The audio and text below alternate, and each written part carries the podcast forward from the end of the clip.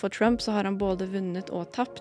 What did I think when Maduro took power? Well, he's a clown. Det koster mye å gjøre store endringer. You know, I think if we can't do it in Norway, we can't do it anywhere. Nei, De har jo ikke noen fremtid. De sitter jo bom fast. Du lytter til Radio Novas samfunns- og aktualitetsmagasin Opplysningen. Korrupsjon og seksuell mishandling har preget Vatikanet. Hva skjer i kardinalenes House of Cards? QAnon-konspirasjonen kan koste Biden seieren i det amerikanske valget. Hva går den ut på, og hvorfor har den fått slik blest? Facebook de blokkerer holocaust-fornekting.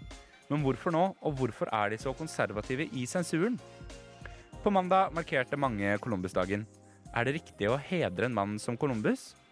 Og i kjent stil så får du fem saker på fem minutter.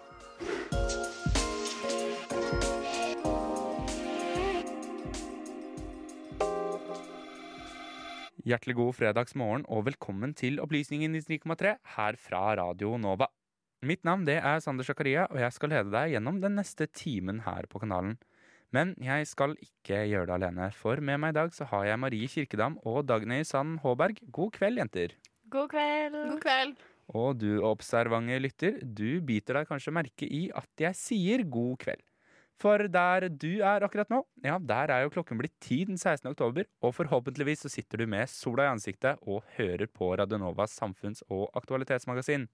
Men idet jeg ser ut av vinduet her i studio, ja, da er det en mørk Oslo-kveld som møter mine øyne. Og som du sikkert forstår, så tar vi da altså fortsatt grunnet smittevernsrestriksjoner opp torsdag kveld, og tar forbehold om at ting kan ha endret seg i løpet av natten. Men nok om akkurat det. Vi befinner oss jo i sendingens forord. Men vi skal snart bla opp og begynne sendingens første kapittel, og hva finner vi der, Marie? Jo, i dagens første kapittel så finner vi noe som kanskje minner litt om en moderne versjon av Macbeth. Fordi scenen er satt i en vatikanstat som er prega av politisk maktkamp som følge av både seksuelt misbruk og korrupsjon. Blar vi over til sendingas andre kapittel, finner vi en ganske spesiell konspirasjonsteori. For hva har egentlig Ellen DeGeneres til felles med Joe Biden og Hillary Clinton? Jo, de er alle satanistiske kannibaler som deltar i en stor konspirasjon mot Donald Trump. I hvert fall hvis man skal tro konspirasjon QAnon. Og hvor de her anklagene kommer ifra, og ikke minst hvor farlige de er, det ser vi på i dagens andre kapittel. Og dagens sending blir ikke mindre spennende. I tredje kapittel tar Facebook sterke grep mot hatprat på deres plattformer og blokkerer holocaust-fornektere. I fjerde kapittel blir vi klokere på debatten om den kontroversielle Columbus-dagen. For er det egentlig riktig å markere en oppdager som har skapt så store problemer i, for urbefolkning? Og Og skal du ikke feire Columbus-dagen, hva skal du erstatte den med? Det kommer vi altså tilbake til i fjerde kapittel. Det er altså ingen grunn til å legge vekk boka, men hold den i et fast grep og bli med oss videre i sendingen. Vi skal straks begynne med bokens første kapittel og snakke om den politiske kampen i Vatikanstaten. Men i margen, ja, der skal du få litt deilig Radionova-musikk. Og vi begynner faktisk allerede nå med en gammel låt her på Radionova. Danske Patina strømmer inn i mine ører. Og låta, ja, den heter 'Flammer rammer'. Ja da, det var noen eh, ordentlig deilige danske indietoner vi fikk her i opplysningen på Radionova idet danske Patina fikk slippe til med sin deilige låt 'Flamme rammer' her i opplysningen på Radionova.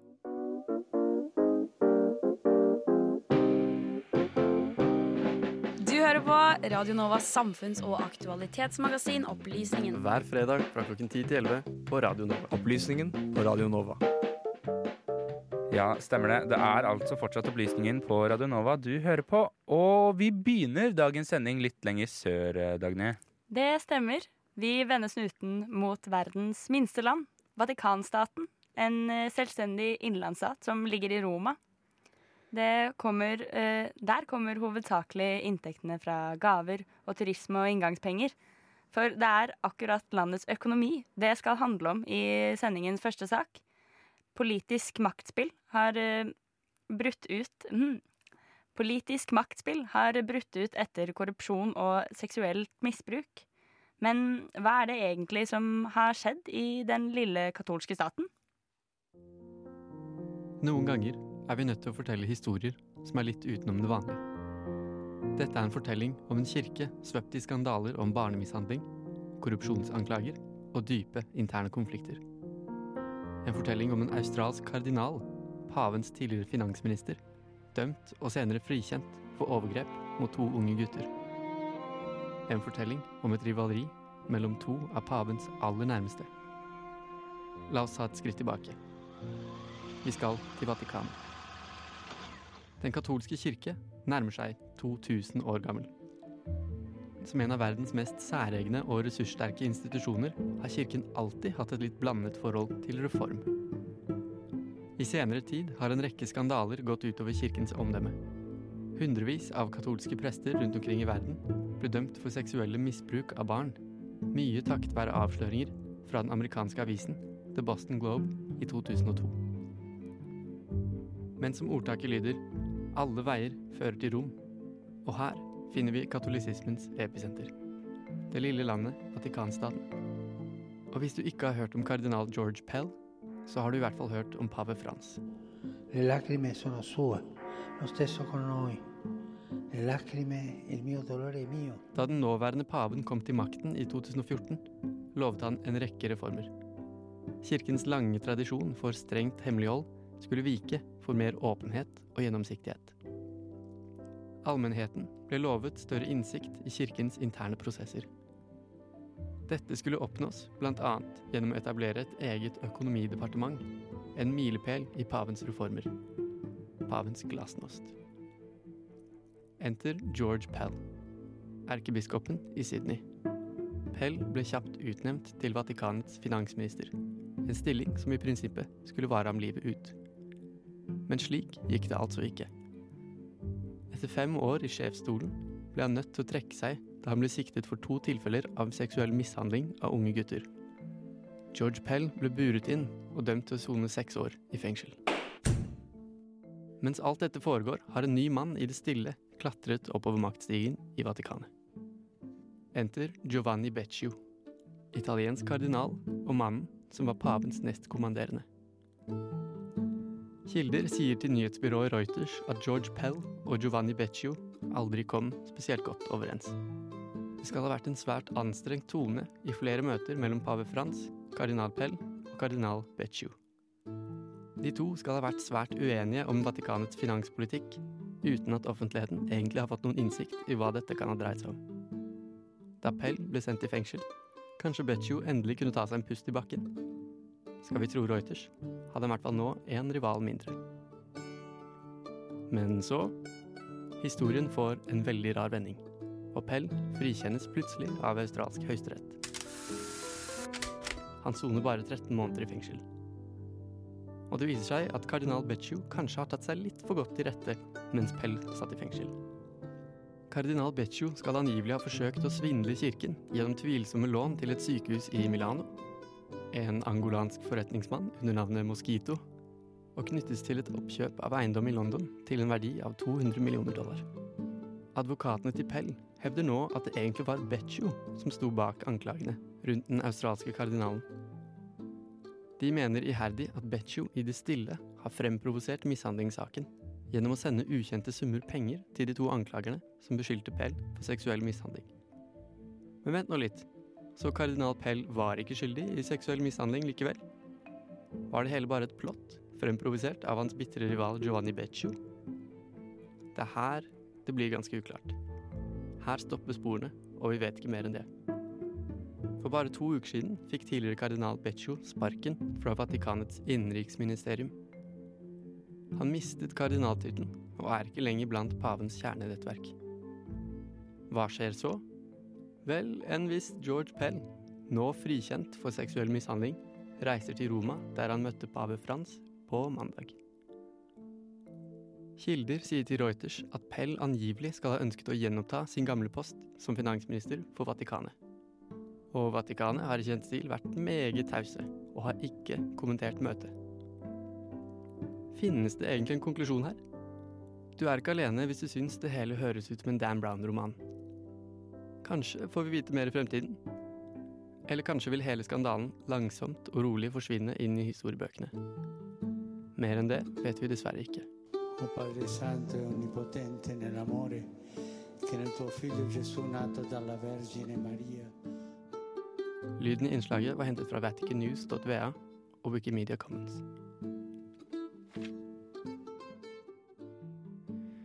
Ja, og reporter i denne saken, det var eh, Benjamin eh, Nordtømme. Vi skal få høre litt mer musikk her på kanalen. Oslo-baserte Dei West. Låta den heter Better Ways. Men det var også Better Ways med Dei West du fikk her i opplysningen på Radio Nova. God dag og god fredag. Hjertelig god fredag morgen. God morgen, god morgen, god morgen og god morgen. God morgen og velkommen til Opplysningen, Radio Nova sitt samfunns- og aktualitetsmagasin. Med opplysningen 99,3 på øret, ja, da blir det en god fredagsmorgen. Opplysningen 99,3. Hver fredag fra klokken 10 til 11 på Radio Nova. Er noe i det vi sier i den jingeren her. Altså, morgenen er ikke komplett uten en god sending med Opplysningen 99,3. Og eh, ja, Opplysningen 99,3 saker, ja, de er litt over hele verden. For internett de spiller en sentral rolle i spredningen av konspirasjonsteorier.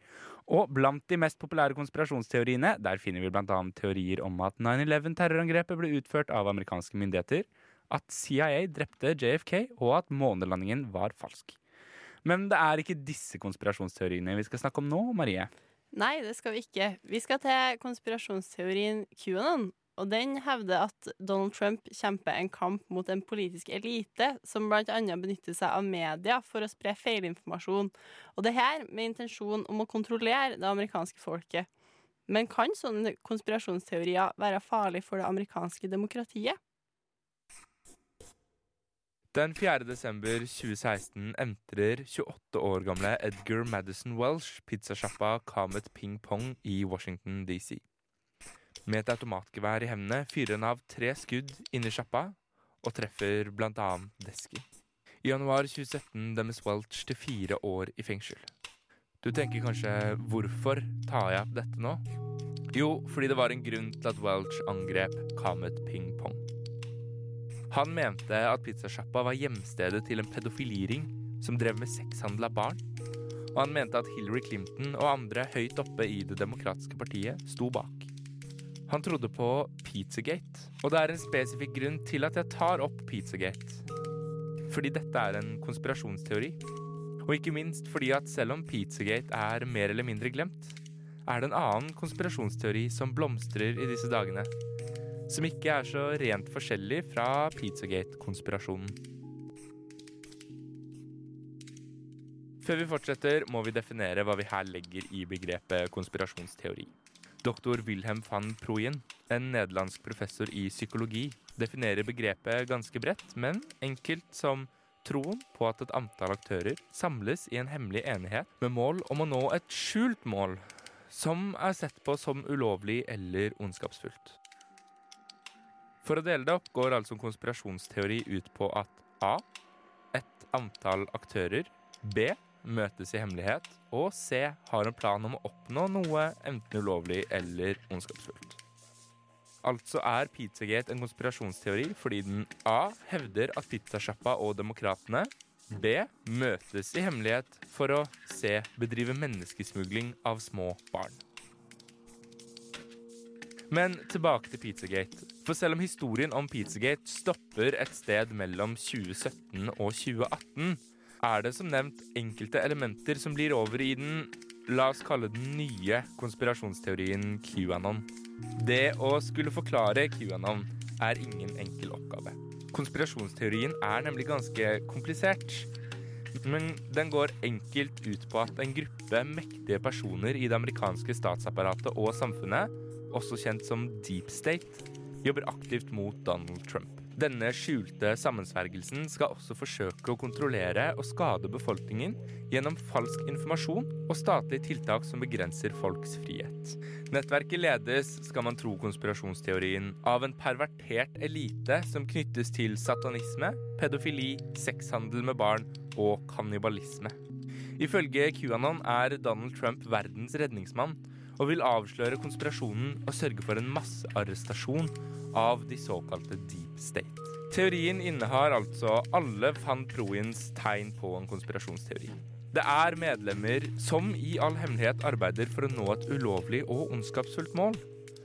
Men en teori som QAnon, som består av så mange ulike elementer, må jo komme fra et sted. Teorien kan spores tilbake til den mystiske Q, som ifølge seg selv har toppsikkerhetserklæring i det amerikanske militæret. I 2017 begynte Q å skrive kryptiske meldinger i en tråd på nettstedet 4chan han selv kalte 'Silent Before the Storm'. Q hevdet selv å sitte på klassifisert informasjon om Trump-administrasjonen og deres motstandere i USA. Grunnet måten 4chan er bygd opp på, er det ingen som riktig vet hvem Q er. Men de som tar del i deep state, er derimot ikke like vanskelige å identifisere. Ifølge Q er det en rekke liberale Hollywood-personligheter som Ellen DeGeneres, demokrater som Clinton, Obama og Biden, og andre personer med sentrale posisjoner i det amerikanske samfunnet som tar del i deep state. QAnon er lite. Undersøkelser viser at bare 50% av amerikanerne i det hele tatt har hørt om konspirasjonsteorien, og et flertall av disse hevder at den er farlig for USA. Men konspirasjonsteorien har fått voldsom vekst under koronapandemien, og har utvidet seg til å bl.a. innebære at 5G sprer koronaviruset, at Bill Gates vil bruke vaksiner for å kontrollere verden, og at Angela Merkel er Hitlers barnebarn. Og akkurat sistnevnte er ganske interessant, fordi det er to land der QAnon har slått kraftig rot. USA og Tyskland. I Tyskland hevder de bl.a. at det nåværende landet kun er skapt av de allierte etter andre verdenskrig, og de håper at Trump vil komme og gjenskape Det tredje riket. Jeg tror det er på tide med en pause. Fordi jeg har på følelsen at det ikke bare er meg som blir litt uvel når jeg hører om denne konspirasjonsteorien. Og det viktigste spørsmålet her er jo om QAnon er farlig. Vi deler det opp i to aspekter. Er QAnon en sikkerhetstrussel for USA? Og er QAnon farlig for det amerikanske demokratiske systemet? Vi begynner med den første. FBI ser på QAnon-gruppen som plausible terrorister, og skriver i en rapport at de sitat, svært sannsynlig vil motivere innenlandsekstremister helt eller delvis til å foreta kriminelle eller voldelige handlinger. Sitat slutt. Facebook fjernet i august gruppen Official Q QAnon, mens Twitter og TikTok har fjernet tusenvis av kontoer knyttet til teorien, mye for å forhindre dette FBI frykter. QAnon på sin side ser på dette som bensin på bålet, og hevder at de blir fjernet fordi de forteller sannheten i informasjonskrigen mellom Deep State og Trump. Men videre over til det andre spørsmålet. Er QAnon farlig for demokratiet? Vi går tilbake til doktor van Proin. Han peker på at Donald Trump benyttet seg av konspirasjonsteorier under valget i 2017. Han skriver i boka The Psychology of Conspiracy Theories at konspirasjonsteorier om klimaendringer, vaksinasjoner og at Barack Obama egentlig er født i Kenya, hjalp Trump med å kapre seieren i 2016. For to måneder siden, den 19. august, ble Trump spurt om konspirasjonsteorien. Well, I don't know much about the movement other than I understand they like me very much, uh, which I appreciate. But I don't know much about the movement. Og da han senere ble spurt om han kunne støtte en konspirasjonsteori som påstår at han i hemmelighet forsvarer verden fra en satanistisk kult bestående av pedofile og kannibaler, valgte Trump ikke å ta avstand fra teorien, men svarte heller Well, I haven't, I haven't heard that, but uh, is that supposed to be a bad thing or a good thing? I mean, you know, if uh, if I can help save the world from problems, I'm willing to do it. I'm willing to put myself out there, and we are actually. We're saving the world from a radical left philosophy that will destroy this country, and when this country is gone, the rest of the world would follow. Joe Biden anklager Donald Trump for å benytte seg av QAnon for å vinne valget. Og skal vi tro van Proin, kan det være en gjentakelse av strategien han benyttet seg av i 2016 ved å utnytte konspirasjonsteorier.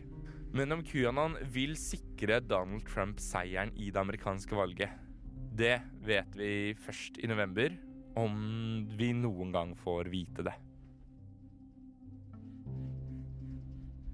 Ja, og reporter i saken, det var eh, meg sjæl, Sander Zakaria. Lyden den er hentet fra Det hvite hus. Vi skal straks videre til Facebook, som tar kraftig grep mot spredningen av slike konspirasjonsteorier. Men før det så skal du få litt japansk musikk her på Radio Nova. Clang Ruler med Icon. Ja, det var Revolver Held, det med Leiter, og før det Clang Ruler med Icon. Altså både litt japansk og litt tysk musikk. Og vet du hva? Begge de er fra Radionovas lister. Og så bruker han jo da også i forlengelsen av det dette ordet terrorist. ikke sant? På sett og vis er jo det USAs store gave til verdens eh, autoritære Finne et litt mer, litt mer nyansert språk der. De arabiske statene prøver å føre en sånn politikk hvor de kan støtte palestinerne i retorikk, men i praksis holde seg egentlig unna konflikten. Radio Novas samfunns- og aktualitetsmagasin Opplysningen gir deg historiene, sakene og debattene andre overser. Aldri redd, alltid balansert. Vi skal videre til Facebook. Mediegiganten har en rolle å spille i å bekjempe hatprat på internett, men de har ofte vært litt sene til å agere. Ja, for nå er Facebook på ballen og forbyr innhold som benekter holocaust. Men hvorfor skjedde ikke dette for eh, mange år siden? When people ask us if we're a media company, what, what I hear is, is do we have a responsibility for the content that people share on Facebook? And I believe the answer to that question is yes. Facebook har de siste to ukene arbeidet for å kunne forhindre hatprat på sine plattformer. Da de i forrige uke forbød innhold relatert til QAnon-konspirasjonen og militsgrupper, fordi denne uken forbød innhold som fornekter holocausten. Dette følger i tråd med Facebooks innsats fra tidligere i år, da de forbød antisemittisk innhold, blackface og andre hatefulle ytringer, og for øvrig innsatsen fra 2019, da de bannlyste flere personer og organisasjoner som brøt med deres regler, som forbyr farlige personer og organisasjoner. Blant disse var konspirasjonsteoretikeren Alex Jones og hans Infowars, tidligere Breitbart-redaktør Milo Yiannopoulos, samt andre høyrevridde kommentatorer, slik som Laura Loomer og Paul Joseph Watson. Det er verdt å nevne igjen at dette skjedde i 2019, tre år etter at Alex Jones, Infowars og hans kohorter mistet tilgangen til sine kontoer på YouTube og Twitter. Facebook gjør altså det rette til slutt. Facebook gjør altså det rette til slutt, men hvorfor kommer det så sent? Facebook fremstår på flere måter som en konservativ plattform. Mange mener høyrevridd innhold har en fordel på plattformen. Politico rapporterer via Facebooks egne verktøy Crowdtangle at innlegg fra ytre høyre konservative, slik som Dan Bonaggio og Ben Shapiro, topper hva angår likes, kommentarer, delinger og ytre reaksjoner. Selv om disse typene ofte mener media, og da også de sosiale mediene, er imot dem. Men det er ikke bare på denne måten Facebook er konservativt. Plattformen er nemlig som vist ikke veldig radikale i sin interne policy. F.eks. klarte de ikke å forby QAnon allerede i august, da de startet å fjerne kontoer og grupper assosiert med denne bevegelsen, hvor vold ble diskutert. Da måtte de ha en runde til, før de vurderte det hensiktsmessig nå godt ut i oktober. Facebook forbyr som nevnt holocaust-fornektelse på sin plattform, men dette forbudet utvides ikke til å gjelde andre folkemord, ifølge Bloomberg News. Facebooks policy er altså ikke imot fornektelse av folkemord, slik som folkemordene i Rwanda eller Armenia, men det er spesifikt mot fornektelsen av holocaust. Dette begrunner de med uro omkring dårlig kunnskap omkring holocaust, og Monica Bickert, visepresident i Facebook, refererte til en studie i en bloggpost omhandlende disse endringene, hvor det kommer frem at en fjerdedel av amerikanere mellom 1879 angivelig mener holocaust er en myte eller ble overdrevet, eller at de var usikre. Verken henne eller Zuckerberg anerkjenner hvorvidt Facebook har spilt en rolle i å fremme holocaust-fornektelse, men impliserer at de gjør en innsats nå som dette innholdet fjernes fra deres plattform. Mark Zuckerberg har personlig endret mening omkring hvorvidt Facebook burde sensurere innhold slik som holocaust-fornektelse. I 2018 konstaterte Zuckerberg at han ikke ønsket å fjerne slikt innhold av ytringsfrihetsgrunner, noe som er vanskelig for han med hans jødiske herkomst. Nå har han altså snudd, og Facebook fortsetter sin forsinkede innsats for å rydde opp på plattformen. Så får vi se om det er for sent å snu, både i amerikansk valgsammenheng og i amerikansk kulturkontekst for øvrig. Og reporter i denne saken, det var eh, Sebastian Hagel. Lyden i innslaget den er hentet fra C-SPAN. Vi skal snart spole tilbake ja, nesten 500 år, og for å gjøre det da trenger vi litt hjelp av våre svenske makkere MC Habit og låta deres spola tilbake. Ja da, det var litt eh, deilig eh, hard rapp der fra vår venn MC Habit og låta spola tilbaks.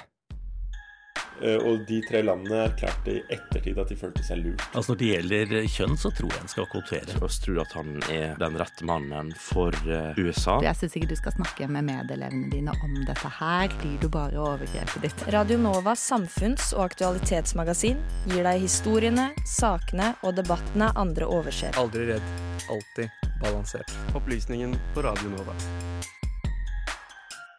På mandag så ble Columbusdagen markert i USA, Marie.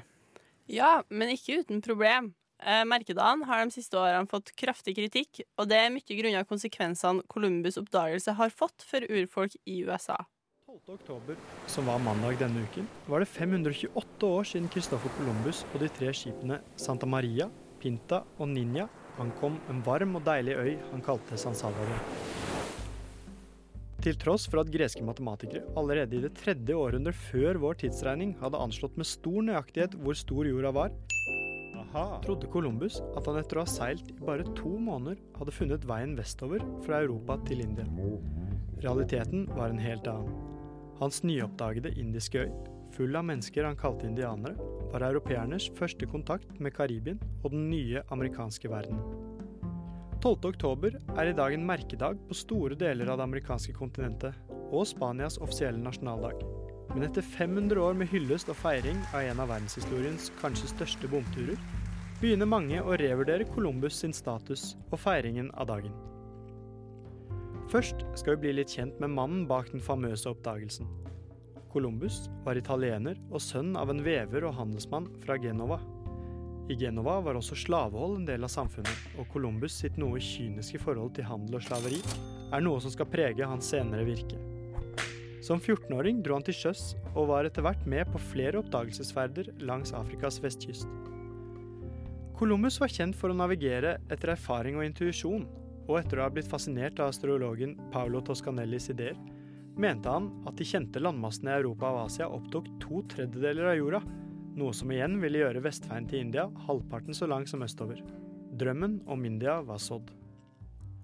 Columbus dro så på frieferd rundt i de europeiske kongehusene for å søke støtte til sitt prosjekt, og fikk det etter hvert fra Spanias dronning Isabella, også kjent som den katolske. I tillegg til økonomiske interesser var det å spre kristendommen viktig for Isabella, og hun understreket stadig at urbefolkningen skulle behandles hensynsfullt.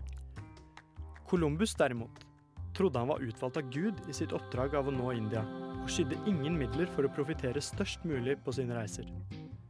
Det ble bl.a. hevdet at han hadde en mørk side og kunne bry seg svært lite om andre mennesker. Det ble sagt at han hadde en steil personlighet ledsaget av anstrøk av stormannsgalskap. Allerede fra første stund skal urbefolkningene på øyene de besøkte i Karibien, ha blitt gjort til slaver og tvunget til å skaffe Columbus gullet og rikdommen han hadde drømt om. Og så var det denne Columbus-dagen, da. 12. oktober. Det som lenge har blitt sett på som en feiring av begynnelsen på det amerikanske kontinentet, er for mange nå en feiring av det som var før koloniseringen.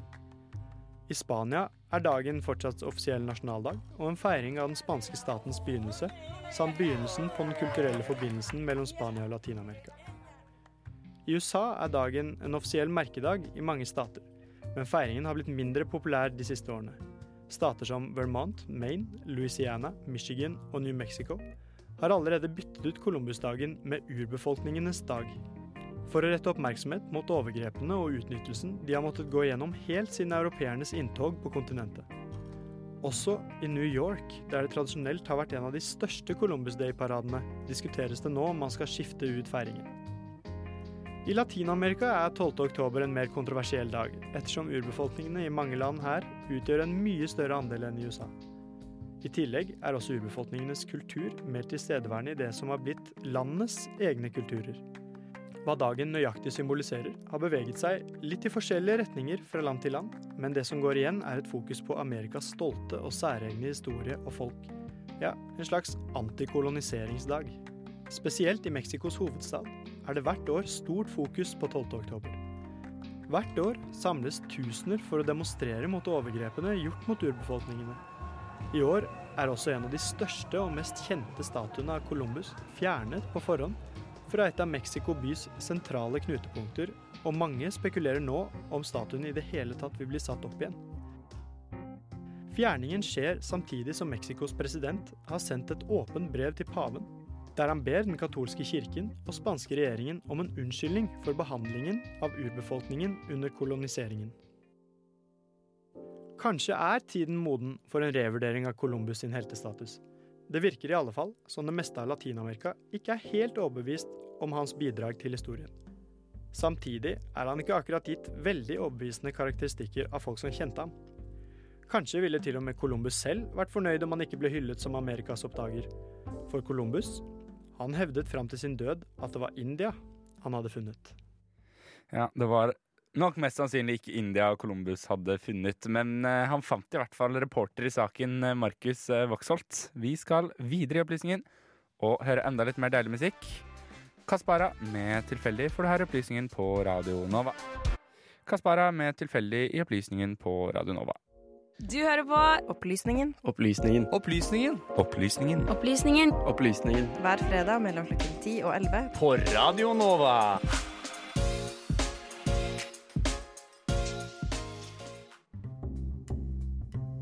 Denne uka har det skjedd mye spennende i både innland og utland. Vi i Opplysningen har dessverre bare én time på å snakke om lite og stort i ukas nyhetsbilde. Derfor får du nå på tampen av sendinga fem saker på fem minutter. Vi starter med Hurtigruta. Der det forrige uke ble kjent at selskapet driver sosial dumping på sine cruise i Norge. Og det helt i tråd med norsk lovverk. Gjennom arbeidskontrakter NRK har fått tilgang til, viser det seg at selskapet betaler sine filippinske ansatte helt ned i 29 kroner i timen. Tidligere har det vært forbudt å seile norskregistrerte skip med internasjonale arbeidsvilkår mellom norske havner, men i 2015 endra regjeringa på det her. Om et skip stopper i minst to utenlandske havner, står selskapet fritt til å lønne sine ansatte etter internasjonal tariff. Dermed har Hurtigruta starta sine cruise i Hamburg og lagt inn et 25 minutters stopp i Cuxhaven, for så å seile oppover norskekysten med underbetalte arbeidere om bord. Helt lovlig. Fra dårlig arbeidsavtale til dårlig brannmur. Regjeringen anklager Russland for å stå bak datainnbruddet på Stortinget. Utenriksminister Ine Eriksen Søreide ga tirsdag ettermiddag beskjed om eh, Stortingets vurdering av datainnbruddet 24.8. Hun legger også ved at dette er en alvorlig hendelse som rammer vår viktigste demokratiske institusjon. Politiets sikkerhetstjeneste er ikke landet på den samme konklusjonen på nåværende tidspunkt. På onsdag sa Solberg til NTB det er viktig for regjeringen å gi tydelig beskjed til russerne om at dette aksepterer vi ikke. Nå til mer koronanytt. Forskere fra University of Chicago mener at folk som liker skrekkfilmer, er bedre rusta enn andre folk til å takle pandemien vi nå står oppi. Dette er et resultat av undersøkelser der forskerne har spurt etter favorittfilmsjanger, for så å be informantene ta stilling til påstander som 'jeg har ikke sovet så godt siden pandemien begynte'. Resultatene tyder på at fans av skrekkfilmsjangeren opplevde mye mindre psykologisk ubehag enn fans av andre filmsjangre. Forskerne forklarer at dette kan ha sammenheng med at folk som utsetter seg for mye skrekkfilm, er flinkere til å takle følelser som redsel og angst, og vil dermed håndtere de negative følelsene pandemien bringer med seg, på en bedre måte enn andre folk. Mer nytt fra Norge. Lendingsnemnda innvilger politisk asyl til Rafal Gavel, som hevder han blir forfulgt av polske myndigheter. Menneskerettighetsforkjemperen Gafal kom til Norge fra Polen med familien sin i januar 2019. I Polen er han nylig dømt for forhold som skal ha funnet sted for flere år siden, en dom han selv mener er fabrikkert. Utenriksdirektoratet ga han avslag på søknaden om asyl, men etter å ha anket saken, har Utlendingsnemnda gitt Gavel-familien flyktningstatus i et år på bakgrunn av klagerens risiko av forfølgelse ved retur til hjemlandet. Tilfellet til Rafael er første gang politisk asyl er gitt til en polakk på 30 år. Første gang siden kommunismens fall i Polen. Vi avslutter med mer sjokkerende nytt fra USA. Den svarte mannen Donald Neely saksøker byen Galveston i Texas og politiet på samme sted. Det skjer etter at Neely ble arrestert av politiet i fjor. Han var på dette tidspunktet hjemløs og så på gata. Etter arrestasjon festa to politimenn til hest et tau rundt Neelys håndjern, for så å føre han etter seg gjennom byens gater. Dette har i ettertid skapt sterke reaksjoner over hele USA, og mange har pekt på parallellene hendelsen har til slaveriet. Styresmaktene i Galveston vil ikke kommentere saken, men politisjefen i byen ytra i fjor at politiet har vist dårlig dømmekraft. Og reportere i denne ukas Fem på fem, det var Marie Kirkedam og Dagny Hårberg. Vi fortsetter med litt deilig Radio Nova-musikk. Bridged med It Won't Be Me. Ja da, noen ordentlig, ordentlig kule tunes der fra Bridged med låta It Won't Be Me.